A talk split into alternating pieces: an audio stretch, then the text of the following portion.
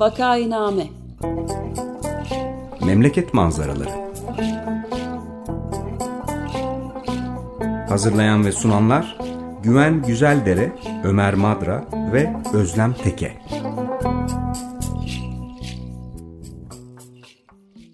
Günaydın, Vakainame'ye hoş geldiniz. Burası 95 FM Açık Radyo.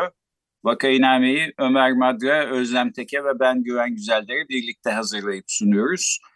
Ee, bugün deprem konularına devam edeceğiz. Konuğumuz Arcan Okan Kurşun. Arcan hoş geldin, merhaba. Merhaba, hoş bulduk. Merhaba, hoş geldiniz.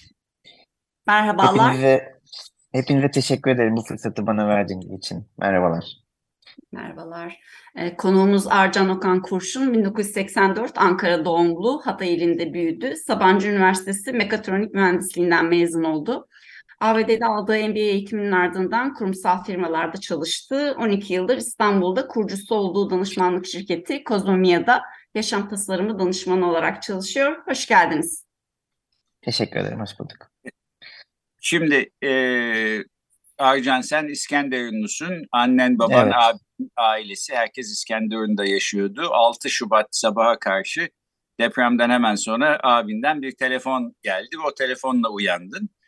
E, Aynen öyle. e, bundan sonrasını da senden dinleyelim istersen. Tabii ki. Aslında uzakta yaşamanın getirdiği bir gerçeklik ki her an böyle bir telefon gelebileceğini bilerek yaşadım hayatım boyunca. Amerika'da yaşadığım dönemde de aynı şey geçerliydi. Sadece bu telefonun ne zaman geleceğini beklemiyor insan. 6 Şubat günü sabah e, aslında çok aramışlardı erken de ben uyanmamışım. 9 civarı zaten uyandığım saatte telefonunda birden çok çağrıyı görünce bunun ne demek olduğunu anladım ama bunun bir deprem yoluyla olacağını beklemiyordum. Hemen geri dönüş yaptım. Ee, bir deprem oldu. Ee, annemiz ve babamız enkaz altında. Ee, bir şekilde buraya gelmeye çalış dedi bana abim. O an için aslında bunun toplumsal tarafını düşünecek bir halde değildim. Gerçeğin ne boyutta olduğunu görebilecek durumda da değildim. Tek yapmaya çalıştığım şey ben şu anda buradan Hatay'a nasıl giderim sorusuna cevap bulmaktı. Televizyon açtık. Hatay'dan bahsedilmiyordu. Bu biraz şaşırtıcıydı. Hani ailem enkaz altında Hatay'da. Herhalde orayı çok az vurdu ama bizim binamızdan kaynaklanan bir durum olduğu için bahsedilmediğini düşündüm. Ee, bir uçak buldum. Ee, Hatay'ın havalimanı kapalıydı. Adana'ya giden bir uçak buldum öğleden sonra için. İki adet kuzenimle beraber o uçağa yetiştik. Uçağın rötar yapmasına rağmen biz akşam saatlerinde Adana'da olduk. Adana'dan da hemen bir araç kiralayıp hızla Hatay'a doğru ilerledik. O gün için yolun kapalı olduğu, kar yüzünden Hatay'a ulaşılamadığı vesaire gibi söylentiler sosyal medyada çok dolaşsa da aslında biz her zamanki gibi Adana'dan Hatay'a bir saatte ulaştık. Hiç ulaşılamayacak bir durum yoktu. Yollarda bomboştu ve enkaz alanına e, İskenderun Eda Apartmanı'nda oturuyordu annem ve babam. Enkaz alanına çok e, istediğimiz bir saatte e, ulaştık. Gördüğüm şeyi anlatmak çok zor. E, fotoğraflar gördünüz, videolar gördünüz ama televizyonda görülen gibi olmuyor. Çünkü kocaman bir çaresizlik var, kocaman bir yıkılma var. Çünkü sadece binalar yıkılmıyor, bütün geçmiş, bütün çocukluğum, evim, eşyalarım, aslında güven duymamı sağlayan ve dünyayla güven bağı kurmamı sağlayan her şeyin yıkıldığını ve yok olduğunu görmüş oluyorum. Deprem bir bakıma yaşayanlar için de aslında aynı duygu durumunu dış dünyaya yansıtıyor. Sadece sarsılıp acaba ölür müyüm demiyorsunuz. Bütün gerçekliğiniz sarsılıyor. Ben o sarsıntıyı yaşamadığım halde 6 Şubat'ın akşamında oraya gittiğimde en büyük yıkıntıyı sadece karşımda görmedim. Bir de orada çaresizliği yaşadım. Çünkü ancak yapabildiğimiz şey enkazın üzerine çıkmak ve taşıyabildiğimiz büyüklükteki, ağırlıktaki birkaç taşı yere atmak. Tabii 48 katlı bir binayı küçük taşları ellerle atarak boşaltmak mümkün değil. Ben çok şanslı bir e, durumda görüyorum kendimi. Çünkü gittiğim gerçeklikte ben operatörler, vinçler, çeşitli İskenderun'da bulunan belki iş adamlarının şirketlerinde çalışan işçilerden oluşan gönüllü insanlarla donatılmıştım. Akrabalarım vesaire vardı. Hayatta kalanlar hepsi oraya toplanmış ve o taşları ayıklamaya çalışıyorlardı. buradaki problem de şu profesyonel biri olmadığı için e, 6 Şubat gün boyunca nereden bu enka, enkaza girileceğini bilen yoktu. Çünkü yapılan en ufacık bir hata enkazın tekrar içine doğru çökmesine neden olabilir. Dışarı doğru başkasını çökebilir ve başkanın hayatını tehlikeye atabilirdi. Bunu da bilmediğimiz için bir profesyonelin gelmesini bekledik. O profesyonel bir türlü gelmedi. İkinci gün oldu. Gece kapkaranlık. Çalışan yok. Yardımcı olan yok. Vinçlere, vinç operatörlerine yalvarıyoruz. Lütfen şurayı al. Bak burası merdiven boşluğu. Burada biri olamaz. Bak burada kimse yokmuş gibi duruyor. Onlar da çok haklı bir şekilde aslında bizim duygusal reaksiyonumuzda çok sakin bir şekilde tepki verip böyle bir sorumluluğu alamayacaklarını ancak AFAD'dan bir sorumlunun gelip şu şekilde girilmesi gerekir bu yığına. Buradan bu vinçle şu taşları almak gerekir demesi gerekirdi. Ee, bu imkanımız olmadığı için de biz bir 24 saati tamamladıktan sonra ikinci 24 saati tamamlamaya başladık. Ve yardımsız geçen ikinci 24 saatimizde de zaman zaman gelen seslerin ardından bireysel çabalarla çok şanslı olan, enkazın çok dışında olan bireyleri kurtarabildik. Bu aslında bir bakıma aslında şans meselesi diyeceğim. Çünkü binaların yıkılma şeklinin içeride hayatta kalma kapasitesini çok etkilediğini söyleyebilirim. Yan binamızın sağlamlığı dolayısıyla mesela binaya doğru oluşan bir e, üçgen yıkılma sayesinde orada bir yaşam üçgeni oluşmuş. Altıncı kattaki bir beyefendi kurtulabildi. Bizim binamız yan dönerek yani 90 derece dönerek iki bloğun birbirinin içine girmesiyle çok enteresan bir şekilde yıkılmış. Normalde dış tarafta oturan bir karakter e, eşi ve çocuğuyla beraber döndüğünde yine dışarıda kalmış ve bu yüzden e, yine aynı şekilde bir bakıma hayatta kalabilmiş. Bu insanlar yaralı çıktılar. Bu insanları gördükçe aslında bir bakıma umudumuz oldu. Ama diğer taraftan da söylemeliyim ki donarak e, vefat etmiş kişileri bulmak durumunda kaldık. E, en acısı bu çünkü İskenderun çok ılıman bir yerdir bilirsiniz. Hı. Ama biz birinci ve ikinci günü eksi ikiyi gördüğümüz zamanlar oldu. Ve biz bu eksi ikide sokakta beklerken, kalacak uyuyacak yerimiz yokken kendi kendimize yaktığımız ateşin etrafında ısınmaya veya arabalarımızda kalan azıcık benzinlerde uyumaya çalışırken bir taraftan da hayır bu binanın içindekiler uyumuyorlar, üşüyorlar. Bizim bu sıcakta durmaya hakkımız yok deyip bir bakıma kendimize işkence eder, edercesine dışarıda üşümeyi tercih ettik. Bu sadece benim yaptığım bir şey değildi. Orada yakınlarını bekleyen herkesin yaptığı bir şeydi. Ne yazık ki birinci gün insanın canı bir şey de yemek istemiyor açıkçası. Bu yüzden hiçbir şey yemedik. Hani olsa da bir şey yemeyecektik. İkinci gün de çok fazla yeme imkanımız olmadı. Zaten bize yardımlar pek gelmemişti. Yiyecek yardımı da gelmemişti. Bu anlamda e, ikinci günün sonuna doğru Antakya merkeze yani Hatay'ın merkez ilçesine yardımların, yiyecek yardımlarının, tırların, e, vatandaşların gönderdiği birçok e, desteğin geldiğini biliyorum. Ama bizim olduğumuz yer İskenderun sahilinde bu yardımların geldiğini biz göremedik. Herhangi bir e, yetkilinin de geldiğini görmedik. Bu yüzden oradaki yine aynı şirketlerin, oradaki inşaat şirketlerinin sağ olsunlar hani bir bakıma bize orada ayakta tutan da onlardı. O inşaat şirketlerinin getirmiş olduğu işte çorba, sandviç gibi şeylerle idare edebildik. Çayla kahveyle doyduk. Birbirimize sarılarak ağladık. Ve hepimiz aslında sadece kendi anne babalarımızı, akrabalarımızı değil, kocaman bir şehrin, kocaman bir yaşamın orada yok olduğunu gördüğümüz için bir bakıma birbirimize tutunduk. Bu anlamda e, coğrafyamızdaki insanların birbirine tutunabilme kabiliyetlerini çok güçlü buluyorum. Bu çok enteresan. Acılar her zaman insanları birleştirir. E, belirli sosyal deneyler vardır belki bilirsiniz. Bir odada veya asansörde kalan, bir odada kilitli kalan ya da asansörde kalan insanların birbirleriyle beraber aynı acıyı, benzer bir dramayı yaşamalarından oluşan arkadaşlıkları veya yakınlıklarının geliştiğini gördüğümüz olur. Bununla ilgili sosyal deneyler de var. İnsanların beraber aynı veya benzer acıyla başa çıkmaya çalıştıklarında oluşturdukları yakınlık da yine aynı şekilde burada vardı. Hiç tanımadığım insanlarla saatlerce sarılıp ağladım. Ama günün sonunda e, şunu yaşadık. Üçüncü günün sabahında e, arada gelen sesler artık binadan gelmemeye başlamıştı. Bu süre içerisinde AFAD'a yaptığımız başvurular olmuştu. AFAD direkt kendisi gelemese de çeşitli gönüllü kurtarma ekipleri zaman zaman uğradı ve ellerinde teçhizat olmadan sesimi duyan var mı diye bağırıp insan kurtarmaya çalıştılar ama artık 48. saatte ne yazık ki gecenin o soğuğunda kimsenin ses çıkarabilecek hali kalmamıştı. Bizim sesimiz çıkmazken 48 e, saattir aç ve üşüyen insanların sesinin çıkmasını beklemek hata olurdu belki de. Teçhizatlar olsa belki bunu yapmak mümkün olabilirdi ama çeşitli o binalardaki tıkırtıları duyan mikrofonlar, termal kameralar olmadan onlar da ellerinden geleni yapmaya çalıştılar. Çok yalvardık. Çok çok çok çok seslenmeye çalıştık. Ama ne yazık ki e, teçhizat olmayan insanların da içeri girme imkanları da yoktu. Bu yüzden gelen geri gidiyordu. Sesler de kesildikten sonra artık üçüncü gün ben sosyal medya üzerinden, yakınlarım üzerinden ulaşabildiğim kadar çok yere ulaşmaya çalıştım.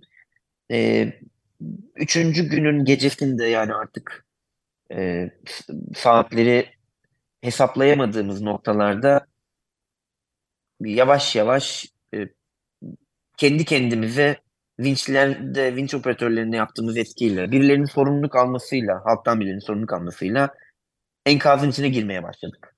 Ve e, yardımcı olan herkesin yardımıyla o üçüncü gün ayın sekiziydi e, galiba üçüncü gün evet e, babamı bulduk.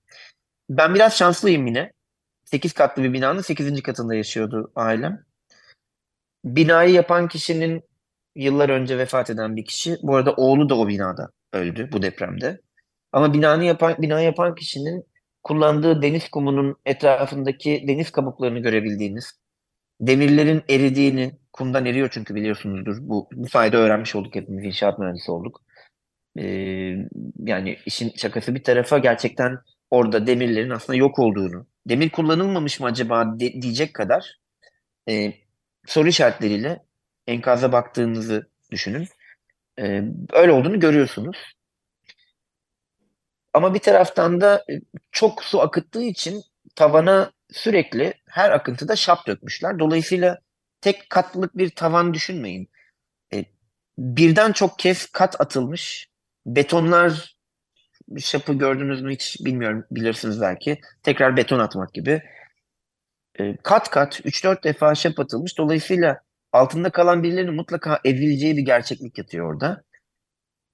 Babama 8. katta olduğu için çabuk ulaştık ama kat kat şap üzerinde olduğu için aslında bu ağırlığın içerisinden çıkması bir yardım olmadan mümkün değilmiş. Babamı üçüncü gün çıkardık. Ben teşhis etmek zorunda kaldım.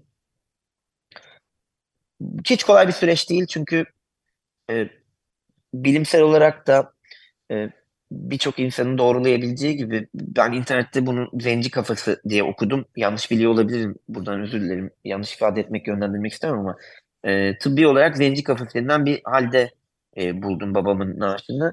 Artık e, vücut şişmiş ve deforme olmuş halde. Tanımakta çok güçlük çektim. Sarılamadım. E, günlerdir enkaz altında kalmasından kaynaklanan bir halde. Ve bir şekilde hastaneye götürdük bir şekilde hızlıca defnettik. Ve üçüncü günün akşamında çeşitli hükümet yetkilileri geldi. Ee, Cumhurbaşkanı ve birkaç tane bakan geldi, vali geldi. Aslında ben bu bireylere ulaşmak için çok ulaşmış, uğraşmıştım birkaç gün boyunca özellikle bu üçüncü günün sabahında. Keşke kendileri gelmek yerine aslında daha önce AFAD yetkililerini gönderebilmiş olsalardı yapılabilirdi diye düşünüyorum ama belli ki yapılamayacak kadar geniş bir alana yayılmıştı deprem. Aslında bir kişi bile yeterli olurdu. Çünkü bizim işçiye değil, vinç operatörüne ya da vince değil, bizim konumumuzda aslında profesyonel olarak bu enkazı nereden girileceğini, bunu sadece kendi babam için söylemiyorum. Bu binadaki yüz, yüz, yüzün, yüzün üzerindeki insan için söylüyorum.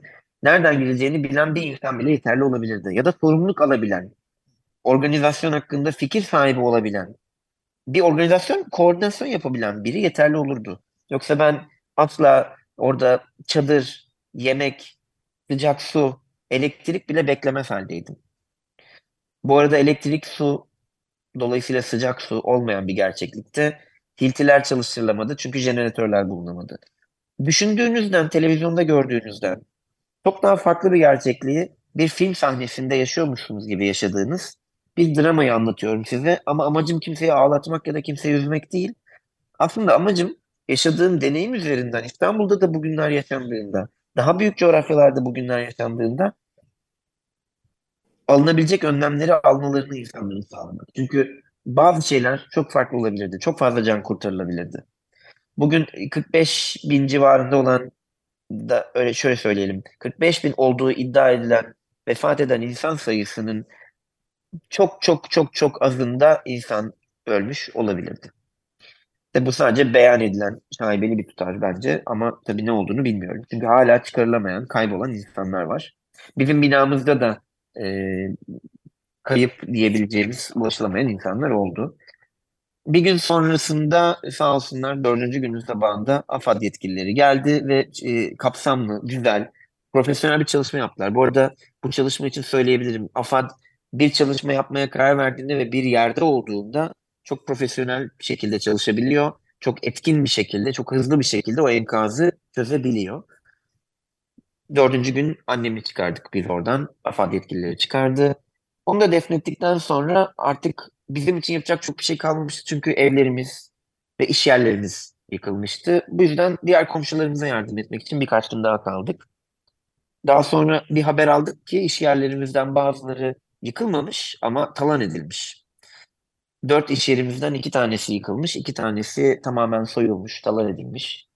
Bu arada çok üzücü bir durum bu talan edilme hali. Çünkü bir anne baba ya da bir toplumsal travma acısı mı yaşayayım? Yoksa insanların böyle bir durumda e, böylesine ahlaktan yoksun hareketler yapmasına mı üzüleyim bilmiyorum.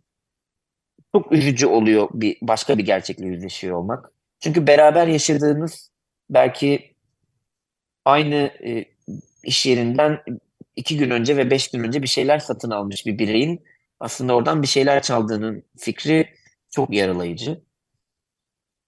İş yerimize gittik. Orada da hatta çalmaya çalışan insanlar gördük, yakaladık, polise ihbar ettik vesaire.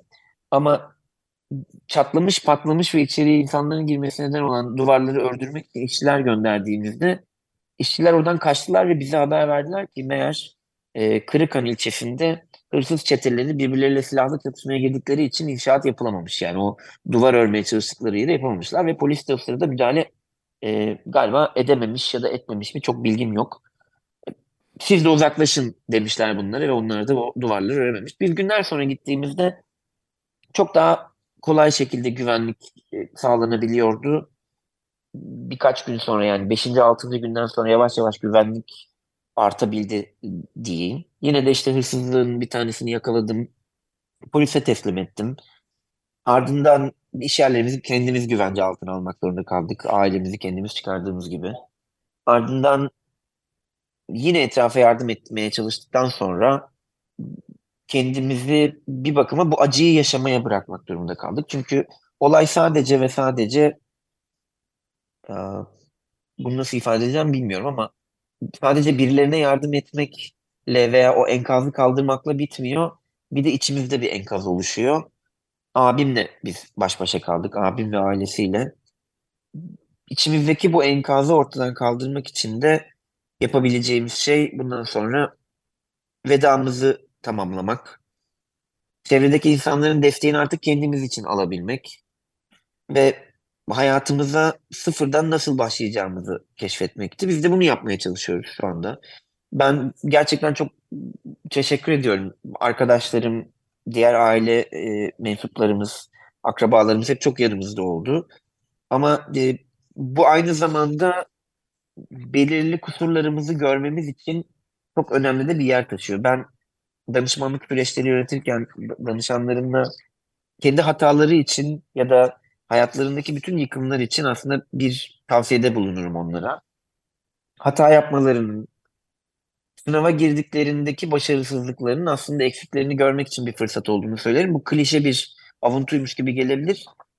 Gerçek ve büyük bir acıyı yaşadığınızda bunun sadece bir avuntu olmadığını da fark ediyorsunuz. Çünkü ben artık birilerinin acılarında onlarla nasıl konuşacağımı biliyorum. Çok kolay, çok basit avuntularla geçiştirmeye çalışan insanlar da var çevremizde. Başkalarının acılarını sadece bir cümleyle de giderebiliyorsunuz. Bazen onlara yük de olabiliyorsunuz. Bunları tanımlamak ve anlamak için çok önemli oldu. Bugün ne yazık ki coğrafyamızda bir sıkıntımız var. Biz acıyı yaşamaya değil göstermeye daha çok çalışıyoruz. Bu cümleyi bu cümleyi bu cümleyi keşfetmek benim için de güzel olmadı. Herkes ne kadar acı duyduğunu, ne kadar üzüldüğünü anlatma çabasındayken karşı, karşılarında gerçekten acıyı yaşayan insanlara aslında onlara iyi gelecek hiçbir şey söylememiş olabiliyorlardı. Artık bunu da bana öğretmiş oldu bu durum. Tüm bu süreçte öfkelendim. Tüm, tüm bu süreçte çok hüzün yaşadım, çok üzüldüm. Çok özlem yaşadım, hala yaşıyorum. Bir an geliyor yolda yürürken ağlamaya başlayabiliyorum. Bir an geliyor gülüyorum. Benim annem ve babam çok mutlu insanlardı. Ben çok şanslı bir bireyim. Hep yani birkaç defa söyledim bunu biliyorum ama e, çok gerçekten şanslı bir bireyim. Çünkü böyle bir annem babam olmuş. Söylenmemiş hiçbir şeyim yok onlara. Tamamlanmamış yaşantılarımız yok. E, çatışmalarımız yok. Bunların hepsini aşmayı zamanla öğrendik. Elbette oldu ama bunların hepsini tamamladık. Birbirimizle vedamızı da yapabildik. Çünkü ben vedalaşabilenlerdenim. Ailesiyle vedalaşamayan e, yüzlerce insan tanıyorum. Kaybolan yüzlerce naaş var çünkü. O cenazeler çıkmadılar. Bu süreçte e, onların huzursuzluğunu tahmin edebiliyorum. Ben ilk duyduğum anda deprem olduğunu ve annen ve annemiz ve babamız enkaz altında kaldı. Arcan gel dediklerinde aslında oluşabilecek en kötü ihtimali yani vefatı da barışla onlara sarılıp onları kurtarmayı da yine barışla karşılamıştım. Bu yüzden kendimi suçladığım bir durum olmadı. Ama bir şeylerin daha farklı yapılabileceğini görmüş olmak ve yapılmadığını görmüş olmak bir süre beni çok öfkelendirdi. Bu öfkenin de birçok insanda olduğunu biliyorum. Çünkü televizyon karşısında izleyen insanlar, yardım için çabalayan insanlar da çeşitli öfkeler yaşadılar. Suçluluk duyan insanlar olduğunu biliyorum. Mesajlardan bunu görüyorum. E, binlerce insan bana ulaştı ve mesaj attı. E, hepsi çok güzel niyetlerle yazdılar. Ama dediğim gibi konuya e, çok vakıf değiliz. Acıyı nasıl paylaşacağımızı bilmiyor olabiliyoruz. Mesela buradan hani insanlara bir bakıma ışık tutmak için şunu söylemek istiyorum.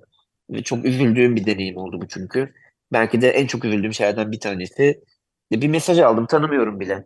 E, hatta biz annemin telefonunu kurtardık bir şekilde yani kurtardık derken hani çalışır halde orada fotoğraflarını kurtarmış olmak her şeyi kurtarmak demek gibi geliyor. Çünkü bakıp bakıp ağlamaya devam ettiğimiz ama ondan kalan bir hatıra oluyor. Annemin telefonunda sayısız cevapsız çağrı vardı. Birinci ve ikinci gün çok fazla yapılmış ve ikinci günün ortalarına doğru, sonuna doğru daha doğrusu telefonun şarjı bitmiş. Ah, ve cevapsız çağrılarda hiç bilmediği annemin numaralarını, kaydetmediği numaraları 8 defa, 12 defa, 13 defa, 5 defa arandığını gördüm. Bunlardan bir tanesi daha sonra bana mesaj atmıştı. Ben Ayfer ablayı çok severdim. Bana şöyle yardımı dokunmuştu. Acınızı tetiklemek istemiyorum ama işte bir screenshot göndermiş. 8 defa aradığının görüntüsü var. Çok aradım. İkinci gün hala telefonu çalı çalıyor, çalıyordu ama ulaşamadım. Ya tamam da hani niye aradın ki? Ben oğluyum. Bırak ben arayayım. Bırak e, telefonunun şarjını bitirme. 8 defa aramanın onun hayatına sağladığı hiçbir fayda yok. Telefon numarasının kayıtlı bile olmadığı insanların 10 defa arayıp benim annemin telefonunun şarjını bitirip nerede olduğunu tespit ederken zorluk çekeceğimiz şekilde ona ulaşmamızı engelleyecek şekilde var olması çok üzücü. Lütfen hani depremde kaygılandığınız insanları aramayın. Bırakın birinci derece akrabaları arasın. Çünkü o şarja çok ihtiyaçları var. İkinci bir şey bu gerçekle barışmak sadece depremden sonra insanların yanında olduklarını söylemekle e, veya kendi inanış biçimleri üzerinden onlara güzel niyetlerini iletmekle de olmuyor. E, çünkü aslında e, birçok mesajda mesela örnek veriyorum e, şehit olduklarını iddia ederek beni rahatlatmaya çalışan insanlar oldu. Çok önemli değil ama herkesin aynı dinden olduğunu varsayıyor olmak aslında herkesin aynı dinsel yönelimde veya e, herkesin aynı milliyetten olduğunu, aynı duyguları taşıdığını varsaymakla aynı ayrımcılığı taşıyor. Çok önemli değil ama bu avutacak ve acı paylaşacak bir taraf değil ne yazık ki. E, olabilir hani bir inanışa göre e, şehit olmuş olabilirler. Başka bir inanışa göre nurlar içinde yaşıyor olabilirler. E, veya belki de e, Zeus'un koruması altındadırlar şu anda. Belki melek olmuşlardır. Niyetlerin hepsi çok güzel ama bunları söylemek yerine insanlara söyleyecek gerçekten tek bir şey var. O da yanındayım, bir ihtiyacın olursa buradayım. Bu kadar basit.